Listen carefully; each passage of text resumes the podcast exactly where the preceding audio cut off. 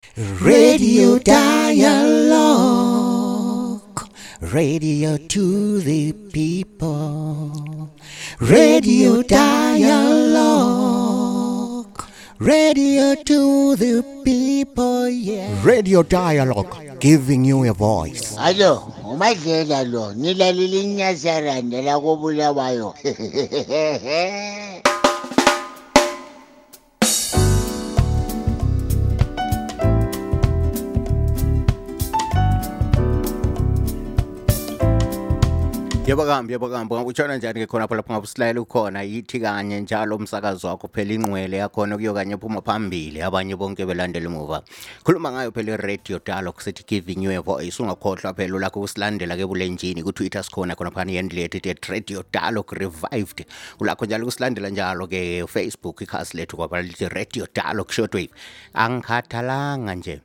vela khona le phansi ke kubo hyde park estate ke khona ngale lapha ke kade kuqhutshwa khona ukhetho ukhumbule phela lithi hyde park estate ingaphansi kwephumula constituency ke khona ngale so ke iqale ke kame prison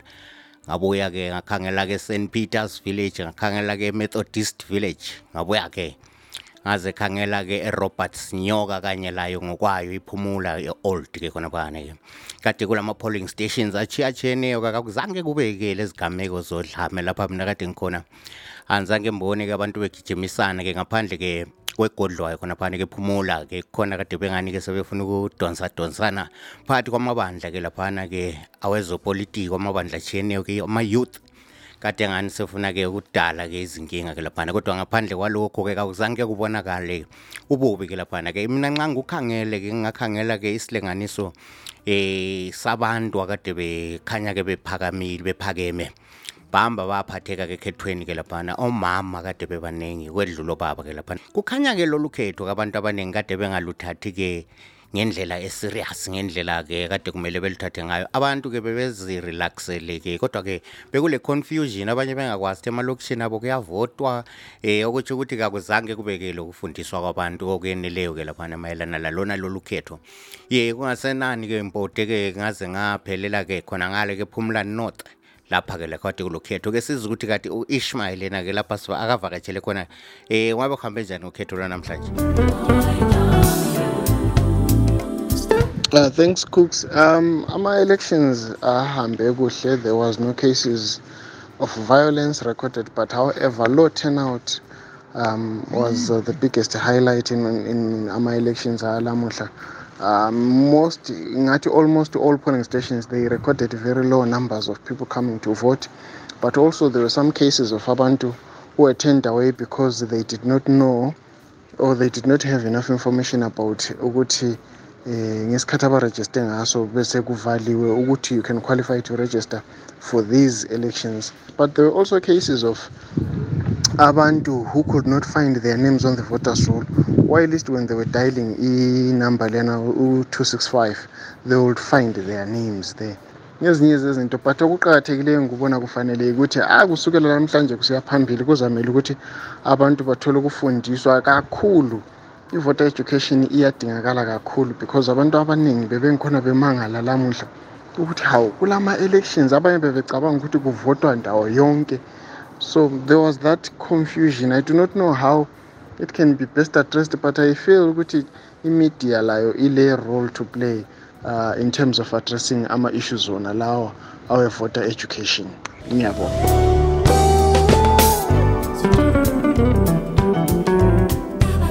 ye ngike ngaxoxa ke labantu ke laphana njengoba kwazi ukuthi thina ke ku-radio dialogue esikwenza kwekhraphana sithi giving you a voice ngoba ke sinika ke i-community platform yokuthi ke abantu kabakhulume kakwenzi ukuthi uhlelo luqale luzelwe phutsha kungazange kube lama-community voices ake size ukuthi abantu bona ke balubone njani ke lolu khetho lwanamhlanje ngoba ke engikuqaphele kakhulu okuyikho ke kuphume kakhulu ukuthi ke abantu kabazange behambe kubekela lokhana ke kuthiwa yi-apathy abantu ke angazi badondiswe yini kumbe ke babengarejistanga sazi njalo amalungiselelo okhetho kazangaba mahle kakhulu emaqenjini ahlukahlukeneyo amanye kazangavunyela ukukhankasa ngendlela akade efuna ngayo amanye njalo ashode imali yokukhankasa zange sabona ama-posters amaningi njengenjwayelo zange sabona ama-flyers lemibiko imibiko leyokuthi kungani kufanele sibavotele eh kanti-ke asizange sayibona i-door to door kwabanye kodwa kwabanye sayibona bekhankasa ngakho amaqembu kazange akhankasa ngendlela efanayo amanye akhankase kakhulu okwedlula amanye amanye njalo kawakhankasanga amanye asuke akhululeke ekukhankaseni amanye avimbeleka ekukhankaseni kodwa-ke silethemba kakhulu edolobheni ukuthi abantu bebevele sebesazi ukuthi leli laleliya qembu eh kumbe laleliyana yiwo abakhethayo enye into yikuthi ama-youth lawo ngathi awayiqakathekisi kangako indaba le eyokukhetha ama-mp lama-councillors ngathi labo ba, ba bayangenela endaweni yonaleyi bayathinteka endaweni yokuthi kuvotelwa upresident babe serious ngakho ngoba singathi siyakhangela namuhla kulamashow amanengi abe abayabe bekuwo aligned up for today okulilanga namhla bekukhethwa khona ama-councillors kuvotelwa ama-councillors lama-mps but ama-youth ayabe e-attenda those shows automatically khona lokhu kuhle kukutshengisa ukuthi into yonaleyi eyokukhetha ama MPs ama elections lawa athathwa kancane kanjani another issue ebesengani ngiyayilibala indaba yezulu ekuseni kuyo kwaba lezulu and even kathese um ngathi lisanda kuphela izulu so it was another issue that was a bit confusing for abantu um abanye banga they will give ama-reasons okuthi izulu libavalele but